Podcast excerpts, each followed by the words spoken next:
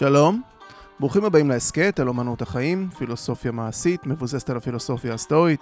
שמי ברק קידר, אני עוסק בייעוץ פילוסופי, מלמד ומתרגל פילוסופיה סטואית. אתם מוזמנים לאתר שלי, stoaisrael.com, וכן לדף הפייסבוק של אומנות החיים, פילוסופיה מעשית. האינסטגרם שלנו זה סטואה שם יש פוסטים מעניינים. היום אני אלווה אתכם לתוך ציטוט, שאולי יסייע לכם ולו במעט בנבחי החיים. היום אני עושה סוג של אה, סלט אה, ומוצא לכם קשר בין רגשות, פוליטיקה, אה, ובעיקר זה בשל ההשוואה בין האסכולה האפיקוראית של אפיקורוס והסטואים. ההשוואה תעסוק בשני הנושאים הללו. אני מוצא שהשוואות לעיתים הן מאוד מחדדות ומאוד מדגישות את ה... מלבד ההבדלים, זה מחדד גם כל פילוסופיה בפני עצמה. ולכן ההשוואה. בסוף הפרק גם יש תרגיל סטואי מהמפורסמים שהוא אחד מהפרקטיים ביותר, אה, שווה לחכות. אז נתחיל. אחד הדברים שמרשימים אותי אצל אה, סנקה בעיקר, הוא היכולת לתת אנלוגיה ודוגמאות יפות ולהמחיש את המסר שהוא רוצה להעביר. לא בכדי הוא גם השפיע מאוד בתור מחזאי, יש כאלה שאומרים שאפילו על שייקספיר. גם למרקוס אורליוס יש כמה דוגמאות ודימויים שהבאתי בפרקים קודמים שהיו מרשימים ועוזרים מאוד להבין. אפיקטטוס אף פעם לא נתפס בעיניי כמישהו שהוא אה, פיוטי, אה, אבל הוא כן, ו- והוא נחשב ליותר נוקשה, אבל כן מצאתי אצלו איזשהו דימוי אחד מעניין, והומור מצאתי אצלו לא מעט. בשיחות של אפיקטטוס, ב... הוא מנהל איזשהו דיון קצר עם התפיסה של אפיקורוס. מהדיון הקצר הזה אנחנו נוכל לצאת ולדבר גם על רגשות וגם, השיט, וגם אה, וממה התכוונו הסטואים בהקשר של רגשות, כי זה רמז קטן מטרים שזה לא בדיוק כמו שאנחנו מבינים היום רגשות, בוודאי שיש קשר, אה, אבל זה בהחלט פרקטי לחיים שלנו וזה מה שחשוב פה, ואנחנו נגיע לזה עוד, עוד כמה דקות. אז נתחיל בתשובה של אפיקטטוס לאפיקורוס. אפיקו, אפיקטטוס אומר שאפיקורוס מכיר בזה שהאדם הוא בעל חיים חברתי, בדיוק כמו שהסטואים חושבים. אבל בגלל שהוא, כלומר אפיקורוס, בגלל שהוא קבע שהטוב עבור בני אדם הוא בקליפה, הוא מחויב לתפיסה שגויה. הכוונה של אפיקטטוס בקליפה היא בגוף ולא ברוח, כי הרוח מקופלת בגוף כמו בקליפה. זאת אומרת שאפיקורוס רואה את הטוב בתחושות, בעיקר בהיעדר כאב. אפילו את ההנאה, הנאה באלף, הוא הגדיר מחדש וחילק אותה לשניים. לקינטית, כלומר פעילה, ולהנאה סטטית, שהיא פשוט היעדר כאב. לשם הוא שאף. זה ההנאה העיקרית בעיניו, ההיעדר כאב. שניהם מסכימים שאל לנו להחשיב או לקבל שום דבר המנותק ממהות הטוב. בני אדם צריכים להיות מכוונים לאיזשהו טוב עליון כלשהו. רק שכל אחד מהם רואה את מהות הטוב כמשהו אחר. אפיקורוס טען, טיעון מן ההריסה, שכל תינוק בוכה עד שמסלקים גורם שמטריד אותו, רעב, חיתול מלא, עייפות או כל חוסר נוחות אחר. מכאן הוא מסיק שמהות הטוב עבור בני אדם הוא היעדר כאב, ההנאה שבהיעדר כאב. בעוד שהסטואים טענו גם טיעון מן ההריסה, רק שטבע האדם הוא יצר ההישרדות. על בסיס זה אפיקטטוס שואל כנגד אפיקורוס, איך כך נהיה יצורים חברתיים, אם לפי, דבר, אם לפי דברי אפיקורוס אין האהבה לצאצאינו נטועה בנו מטבענו? הרי העמדת צאצאים הוא יצר הישרדותי. אז שואל אפיקטטוס, איך הוא, אפיקורוס, הניע מלהביא ילדים כי צרה יכולה לבוא על האדם בגלל הילדים? אפיקורוס יודע היטב, אומר אפיקטטוס, שמרגע שנולד ילד, אנחנו כבר לא בני חורין, שלא נוכל שלא לאהוב את התינוק ושלא לטפל בו. כל מי שיש לו ילדים יודע שהחירות שלו הוגבלה בשל האהבה והחובה שיש לו כלפי הילדים, בשל האחריות. נסתכל רגע במבט עוד יותר מגבוה. אפיקטטוס אומר כנגד אפיקורוס שבהתאם, מאותה סיבה מצא אפיקורוס שאדם בעל שכל לא צריך לעסוק בפוליטיקה.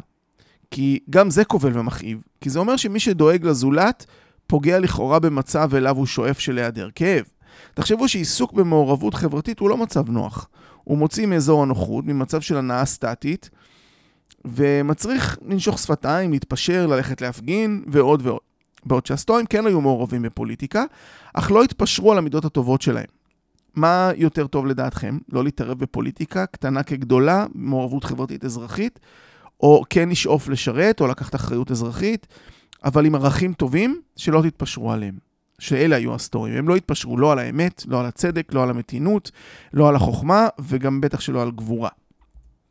נמשיך עם אפיקטטוס ואפיקורוס. כאן מגיע הדימוי המשעשע בעיניי הראשון בטיעון של אפיקטטוס נגד אפיקורוס. הוא אומר שאף אחד לא ימנע ממך לנהוג בחברת בני אדם כאילו בין זבובים אתה נמצא. לא להיכנס לעובי הקורה בדימוי הזה, אבל תחשבו על חיי הזבובים ומה הם עושים, ותסיקו שאולי שמה שמציע אפיקורוס דומה למדי.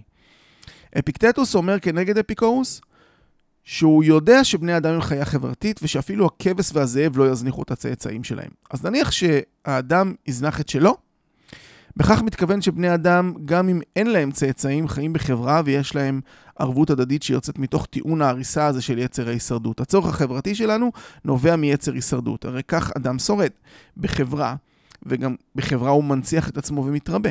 אפיקטטוס אומר שאנחנו לא חסרי דעת כצאן, ואפילו הצאן לא מזניח את הצאצאים שלו, וגם לא הזאבים. אפיקטטוס שואל את אפיקורוס, למרות שאפיקורוס באותה עת כבר היה ז"ל 300 שנה, הוא שואל אותו כך, הגד נא, מי מקבל את עצתך? כשהוא רואה את בנו נופל לארץ ובוכה. כשלעצמי, מובטחני שאפילו היו אביך ואימך חוזים מראש שעמדת לומר דברים כאלה, לא היו מפקירים אותך. זה סוג של mic drop שהביא פה אפיקטטוס. שגם אם ההורים שלך היו יודעים שאתה הולך להגיד את זה, שאנחנו לא צריכים להיות, אה, להביא ילדים, הם לא היו מפקירים אותך. אבל לסנקה היה קצת יותר סבלנות לאפיקורוס, והוא כתב לחברו לוקיליוס כמה וכמה ציטוטים של אפיקורוס. סנקה אומר לחברו שהוא שואל בשמחה מאפיקורוס כשזה הגיוני, מכיוון שזה מנהגו לחצות אפילו למחנה השני לא כעריק, אלא כמרגיל. ההבדל בין האסכולות יעזור לנו, כמו שאמרתי, להבין מושגים סטואיים, ובהתאם יעזור לנו להסתכל על עצמנו קצת אחרת, ואולי ייתן לנו משהו בחיים. וההבדל העיקרי בין האסכולות הוא שהסטואים חשבו שהדבר המרכזי בחיים הוא המידות הטובות, הטיפוח שלהם, ההצטיינות במידות טובות, פיתוח סגולות, בעוד שהאפיקוראים חשבו שהדבר הכי חשוב בחיים הוא לחפש הנאה. הנאה מתונה אמנם, לא להגזים, ובעיקר להימנע מכאב, כמו שאמרתי קודם. כי הנאה מוגזמת מביאה לכאב. אף על פי כן, שתי האסכולות חשבו שמרכיב מכריע ביודאימוניה, באושר, בשגשוג ורווחה בחיים, הוא משהו דומה מאוד. הסטואים כינו אותו אפתיה, לאורך השנים התגלגלה המילה הזאת לאפתיה, שאנחנו מכירים היום. מילולית הכוונה היא להיות ללא יצרים. השימוש המודרני במילה אפתיה שונה מהמקורי, והאפיקוראים כינו את המרכיב הזה אטרקסיה, שזה מילולית שלווה, או לא להיות מוטרד, יותר נכון. עם זאת, ישנם כמה הבדלים בין שתי המושגים, במיוחד באופן שבו שני בתי הספר לימדו איך להשיג, או לפחות לשער, ללמוד את מצבי התודעה האלה. נדגיש רגע, אפתיה היא חופש מתשוקה, וזה מרכיב חיוני בחיי העושר. ותכף אני אפרט מה זה אומר. אטרקסיה היא חוסר הפרעה. פשוטו כמשמעו ללא טרדות. מתורגם לפעמים כשלווה, וגם כן סוג של מצב נפשי המהווה מרכיב בחיי העושר. אז גם אפתיה וגם אטרקסיה הם מרכיב של החיים המאושרים, ואכן בעוד שהמונח אטרקסיה משוייך בדרך כלל לאפיקוריים, שתי האסכולות השתמשו בו. מבחינת הסטורים צריך להדגיש שתשוקה, באנגלית passion, זו לא הכוונה למה שאנחנו מתכוונים עכשיו במונח הזה באופן אה, אה, מובהק, באופן אחד לאחד, ולכן זה אפילו לא במובן של רגש במובן המודרני של המושג. לכן מי שמבין את הסטואיות כחוסר תשוקה או אדישות הוא טועה. הסטואים למעשה חילקו את התשוקות ללא בריאות ובריאות. הקבוצה הראשונה, הלא בריאות, כללה כאב, פחד, השתוקקות והתענגות, באנגלית craving או pleasure, והקבוצה השנייה, הבריאה, היא שיקול דעת, זה רצון והנאה. אבל הנאה בריאה. שלושת האחרונים אינם ההפך מהקבוצה הראשונה, למעט כאב שאין לו מקבילה חיובית. מי שייכנס לאתר שלי, stoizra.com, אני מנגיש שם את הפודקאסט בטקסט כתוב, ותוכלו למצוא תחת הפרק הזה תרשים עם החלוקה הזאת שבין אה, התשוקות הבריאות והלא בריאות. יש איזשהו ברקע גם דמות, זה הפיקטטוס, מי שישאל את עצמו מזה הדמות ברקע. אה, והתרשים הזה הוא נחמד, הוא מאוד עוזר להבין, הוא אמנם באנגלית, אבל אני בטוח שאתם תסתדרו. אז עבור הסטואים התשוקות, הם פשוט תגובות אוטומטיות. זה אינסטינק, אינסטינקטים שאנחנו לא יכולים להימנע מלחוות אותם. במקום זאת, הם, הם תוצאה של ש, שיפוט, של נתינת הסכמה לאיזשהו רושם. מתקבל עליי רושם מה, מהמציאות, והשאלה אם אני מסכים לקבל אותו או לא מסכים, או דוחה אותו. אה, קבלה של רושם, של רושם חיצוני כאמת, זה פואנטה. ולכן, גם כשאתם קוראים מילה מוכרת כמו פחד, אל תחשבו על מה שאנחנו מכירים בהיבט הפסיכולוגי של תגובת flight או fight, של לברוח או להילחם, שאכן היא בלתי נמנעת. זה משהו מאוד אינסטינקטיבי כשלפתע ניצבת בפנינו איזושהי סכנה אפשרית. מה שהסטואים התכוונו בפחד, היה מה שבא אחרי זה. הדעה השקולה לגבי מה שגרם לתגובה האינסטינקטיבית הזאת. הפסיכולוגיה הסטואית הייתה מאוד מעודנת, ולמה אני אומר את זה? כי הם ידעו שיש לנו תגובות אוטומטיות שהן לא בשליטה שלנו. וזו הסיבה שהם התמקדו במה שכן ניתן אה, לשליטה שלנו, השיפוט שלנו, שניתן על, על מה ש, אה, שסביר שגרם לתגובות האינסטקטיביות שלנו, אותו אנחנו שופטים, שיפוט שמה שמרקוס אוריולוס כינה לו השכל המושל, או, או היסוד המושל באדם. בטרניגול... בטרמינולוגיה המודרנית של מדעי הקוגניציה זה נקרא התפקוד הביצועי של המוח. עכשיו, שוב, מי שיסתכל על הדיאגרמה ששמתי באתר, הכאב אינו, תחושה, אה, אינו תחושת כאב כפשוטו, אלא אה, כישלון להימנע ממשהו שאנחנו שופטים אותו לרעה בטעות. כאב הכוונה פה לא לכאב פיזי, אלא לטרדה. באופן דומה, הפתיה הזאת, התשוקות האלה, הנוספות, פחד, הוא ציפייה לא רציונלית למשהו רע או מזיק. ההשתוקקות היא חתירה בלתי רציונלית למשהו שבטעות אנחנו שופטים אותו כמשהו טוב, אבל הוא לא באמת טוב. והנאה היא סוג של התרוממות רוח לא רציונלית, העונג, תענוג, הוא סוג של התרוממות רוח לא רציונלית על משהו שבעצם לא שווה לבחור בו. אה, למשהו שלילי למעשה. לעומת זאת, ה-UPATHI, שזה הפן החיובי, התשוקות החיוביות, הם תוצאה של סלידה רציונלית מרע, מדברים מזיקים, שזה השיקול דעת, המתינות, שזה איזשהו רצון רציונלי לעשות טוב. אה, זה למעשה רצון, גם חברות דרך אגב. הסטואים מאוד, כמו גם אפיקורוס, בזה הם דומים, הם כן אה, הטיפו לחברות כדבר משהו חיובי. וגם התרוממות רוח רציונלית בשם סגולה טובה, שזה למעשה הנאה שמופקת ממעשים טובים. צריך להיות אה, ברור כעת למה אין דבר כזה כאב רגשי רציונלי. כי הרציונל הוא מגיע אחרי התגובה, התגובה האינסטינקטיבית הרגשית הראשונית שאין לנו שליטה עליה. אבל דרך אגב, מי ששמע את הפרק על, על uh, הכעס, את הפרקים שעשיתי על הכעס, שם סנק גם אומר שהם מצטמצמים מפעם לפעם ככל שאנחנו ברמה הרציונלית שלנו מנהלים את עצמנו, אז התגובות האינסטינקטיביות הן מצטמצמות. Uh, יש לזה גם uh, מחקרים עדכניים שתומכים בזה. אז אפתיה שדיברנו עליה, המשמעות היא בלי להרגיש או לסבול. בעברית לכאורה אפתיה, חוסר אכפתיות או חוסר תחושה.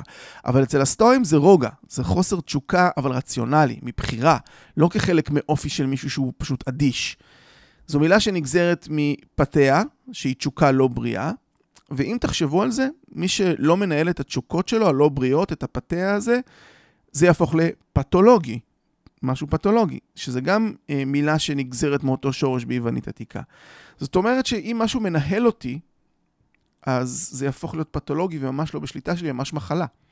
וכשקיקרו, דרך אגב, רצה לתרגם, הרי הוא תרגם את הפילוסופיה ללטינית, אז הוא התלבט אם ללכת על המילולי, ואז היה יוצא לו לקטלג את אותם אה, פתיה, אז אה, היה יוצא לו לקטלג אותם כמחלות, אבל המילה מחלה לא התאימה לו בכל המקרים. למשל, אף אחד לא מדבר על רחמים, אה, ואף לא על כעס כמחלה. ואיכשהו זה התגלגל, ובמילים שהוא בחר, וסנקה למשל השתמש באפקטוס, שאחר כך לאנגלית זה התגלגל לאפקשן, אה, בעוד, אה, בעוד שאחרים העדיפו את פסיו, שהתגלגל לפאשנס באנגלית, שקשר במפורש את הרגשות עם טרדות או סבל. עם זאת, כל התרגומים הללו הדגישו את הפסיביות, וזה מה שחשוב פה. במיוחד את הפסיביות הפסיכולוגית של הרגשות, ואת התחושה שבה הם מחוץ לשליטתנו. משהו מפעיל אותי. ואכן, זה חלק לא ראוי מאיתנו, כי אנחנו לא בוחרים בזה. עד כאן שיעור לשון בהקשר הזה. אמרתי קודם שגם הסטואים משתמשים באטרקסיה אה, ולא רק באפתיה באוצר מילים שלהם, ודרך אחת לחשוב על הקשר בין אה, שני המונחים האלה, שהאפתיה היא מעבר מרגשות שליליים לכיוון חיוביים, ומביאה בתורה איזושהי אטרקסיה, איזושהי תחושת שלווה שנובעת מזה ששום דבר לא, לא, לא מפריע לי. מעין שוויון נפש כלפי מה שהעולם אה, מפיל עלינו. אני מזכיר שההבדל המכריע בין שתי האסכולות, שתיהן בהחלט מגיעות לאפתיה, אטרקסיה בדרכים שונות מאוד, והאפיקוריים ביקשו יותר מכל להימנע מכאב, שפירושו במיוחד היה לסגת מהחיים החברתיים והפוליטיים, וזה היה מומלץ על ידי אפיקורוס. אה, הוא כן היה גם ממליץ לטפח את החברות הקרובה. אבל לשחק תפקיד מלא בפוליס, בעיר המדינה ביוון, או בקהילה, אה, במקבילה של ימינו, זה היה דרך בטוחה לחוות כאב, פיזי או נפשי. ולכן היה צריך להימנע מכך לדעתו. ואני מזכיר לכם שאפיקטטוס טען כנגדו שזה בניגוד לטבע האדם, בניגוד לטבע של יצר ההישרדות ובהתאם לדאגה לזולת, לצדק, למידת הצדק. הסטואים לחילופין אימצו את התפקיד החברתי שלהם, וזה לא משנה באיזה משטר. מרקוס כותב כל הזמן במחשבות לעצמי שאנחנו צריכים לקום בבוקר ולעשות את העבודה של בן אנוש, כלומר להיות שימושי לחברה. דיברתי גם בעבר פרקים קודמים על הרוקלס שהרחיב את התפיסה הסטואית של קוסמופוליטיות לסוג של מעגלי דאגה, ושהמוטו של האסכולה הסטואית היה חיים על פי הטבע, שבין היתר זה מה שהם התכוונו לטבע האנושי, של חיה חברתית המסוגלת לשיפוט רציונלי. אני מזכיר שאחת מארבעת המידות הטובות היא הצדק. היא נכללת בתחום האתיקה, בתחום הפעולה. זה היבט חברתי מפורש עבור הסטואים. החכם יכול להיות מאושר, כלומר יודאימוניק. אפילו בעיתות מצוקה הוא יכול להיות מאושר, הוא עוד מממש את הסגולה שלו ופועל לטובת האנושות גם ברגעים קשים. וזה היה בלתי נתפס עבור האפיקוראי, מה שאמרתי עכשיו. כי זה כאב, כי זה מטריד. ונראה שזה גם דרכם של לא מעט היום, שבמציאות הקשה שלנו, השאיפה שלהם היא חיי נהנתנות, או שלא יטרידו אותם, אה, ולא להעסיק את הראש שלהם במעורבויות פוליטיות או חברתיות, או שהם מסתפקים בלצפות בחדשות ולפעמים לדבר על זה עם חברים. עכשיו בואו ניתן לסנק רגע לחבר לנו את כל זה, את הרגשות והפוליטיקה והקוסמופוליטיות הזאתי. במכתב שלו לחבר שלו, לוקיליוס, אה, אה, הוא עונה לו על איזושהי אה, צרה שלו, והוא מנסה לעזור ללוקיליוס בעצה. לוקיליוס לא הצליח להתגבר על איזושהי עצבות ודכדוך, אף על פי שהוא נסע נסיעת נופש ארוכה לכל מיני מקומות. וסנקה אומר לו, את רוחך צריך להחליף, לא את האקלים. כי מגרעותיך ילוו אותך באשר תלך. לוקיליוס נע ונד הנה והנה, והוא מנסה לעקור את המסע הנטועה בו, אומר סנקה, ובכך הטלטלה מגבירה את המועקה. מטען הקבוע בספינה במקומו אינו מזיק, אך אם הוא מטלטל לכאן ולכאן עד מהרה את החלק שאליו נטע, הוא מטביע. סנקה אומר שזה כמו לטלטל אדם חולה, רק שיסיר את החולי, את הרעה המעיקה, כל שינוי מקום יהיה נעים. סנקה ידע על מה הוא דיבר, הוא הוגלה יותר מאשר פעם אחת. הוא אמר שכך בכל ארץ ברברית הוא ימצא מושב מכניס אורחים. כי חשוב יותר מי האיש שמגיע מהמקום אליו מגיעים. ואז אומר סנק המשפט, לא נולדתי לחיות בפינה אחת, מולדתי העולם כולו. זאת הקוסמופוליטיות הסטואית. שזה לא משנה איפה אתה נמצא, משנה איך היחס שלך לשאר בני האדם ולמקום שאתה נמצא, היחס שלך לעצמך. ככה הוא מדגים שאדם צריך להיות חופשי מטרדות בכל מקום שאליו הוא מגיע. ללא איזה שהן תשוקות רעות שהוא מביא, אותו, אה, מביא אותם איתו לכל מקום, כמו מטען מטלטל לא מקובע בספינה, ואז הוא גם מטביע אותה. ואז כשיבוא ללא הרעה שמלווה אותו, הוא ימצא מקום מכניס אורחים איפה שהוא יהיה. זה נכון בכל אקלים, גם פוליטי וחברתי, לא רק אקלים מבחינת אה, אה, מערכת אקולוגית וסביבה. זה לא רק מקום פיזי, זה גם נניח סתם אה, מקום עבודה. כי אם אנחנו החלטנו להחליף מקום עבודה בגלל שלא היה לנו טוב במקום ממנו יצאנו, אבל אם נשארנו עם אותו חולי של תשוקות וציפיות מסוים שהביאו אותנו לזה שלא היה לנו טוב, אז גם במקום החדש לא יהיה לנו טוב. זה גם נכון לזוגיות. אם אנחנו לא נטפל בחולי שלנו, בציפיות שלנו, בדברים ש... תשוקות לא טובות שלנו, שליליות שלנו, לא, אז זה לא משנה באיזה זוגיות אנחנו נהיה, זה, זה ישפיע. זה יהיה טלטלה בספינה שמטביע את הספינה. אה, זה נכון לקהילה בה אנחנו חיים. וזו גם הבנה לקויה לטבע האדם, אם אנחנו לא מקבלים את השונה מאיתנו, כי אנחנו חושבים שדרכו לא נכונה, או שונה מדי משלנו. אז אה, הוא אחד ממגלי הדאגה שלנו, אבל אנחנו לא, אנחנו לא רואים את זה ככה. הוא זהה לנו בהיותו אדם, ולכן עלינו קודם להוציא את הרעה החולה שבתוכנו, בהסתכלות הזאת, בתשוקה הלא בריאה, שכל הזוגלה צריכים להיות לפי דרכנו, והדרך שבה אנחנו חושבים שהעולם צריך להתנהג. וזו לא שאלה של ימין, שמאל, דת, עדה, מגדר, נטייה, זו, זו שאלה של מין האנושי, של טבע האדם. אנחנו חברה, חיה חברתית שמשגשגת בחברה על השונות שלנו. נסיים עם העצה אחרת של סנקה ללוקיליוס, אה, זה מכתב 24 שמתקשרת למה שדיברנו על תשוקות ורגשות, כדי שנעשה פה עוד איזה משהו פרקטי קטן. כשלוקיליוס נתבע על ידי אדם אחר, אמר לו סנקה, נדמה לך שאייעץ לך לצפות לתוצאות, לצפות לתוצאות טובות ולמצוא רוגע בתקווה נעימה. למה לזמן את הרעה טרם זמנה? הרי נסבול אותה כשתגיע, אז למה למרר את ההווה בפחד ומהעתיד? אז אין ספק שזה לא חכם לאמלל את עצמך כבר עכשיו, בגלל שאתה עלול להיות אומלל אחר כך. אבל חלק אחר בעצה הזאת, זה לא מה שסנקה מציע, זאת לא העצה. כי סטוי לא ייעץ למישהו להתנחם בתקווה שעולה להיות תקוות שווא.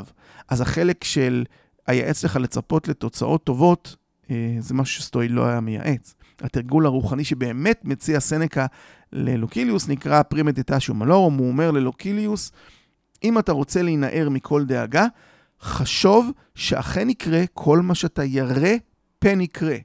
תהיה אשר תהיה אותה רעה שתבוא, שקול בינך לבינך והערך מה גודל פחדך.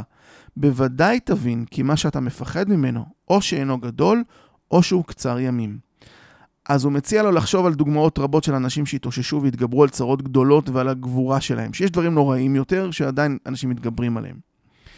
אז למרות שזה נראה נוגד היגיון, דווקא לחשוב על צרות אפשריות, לוקח מהם את הכוח שלהם והופך אותם לפחות קשות. זה הפרימדיטשיום מלורום שמציע סנקה ללוקיליוס כשתבעו אותו. יכול להיות שזה לא יהיה כזה נורא התוצאה. למה עכשיו להיות מוטרד מזה? זה החלק הנכון. והחלק השני, כן, תדמיין את הרע מכל. או שהוא יהיה קצר, או שהוא לא יהיה כל כך נורא כמו שאתה חושב. תחשבו על זה רגע, זה נכון לכם לכל כך הרבה דברים בחיים. עד כאן להפעם. תודה שהאזנתם, אנחנו נשתמע בפרק הבא אם ירצה הגורל. היו בטוב,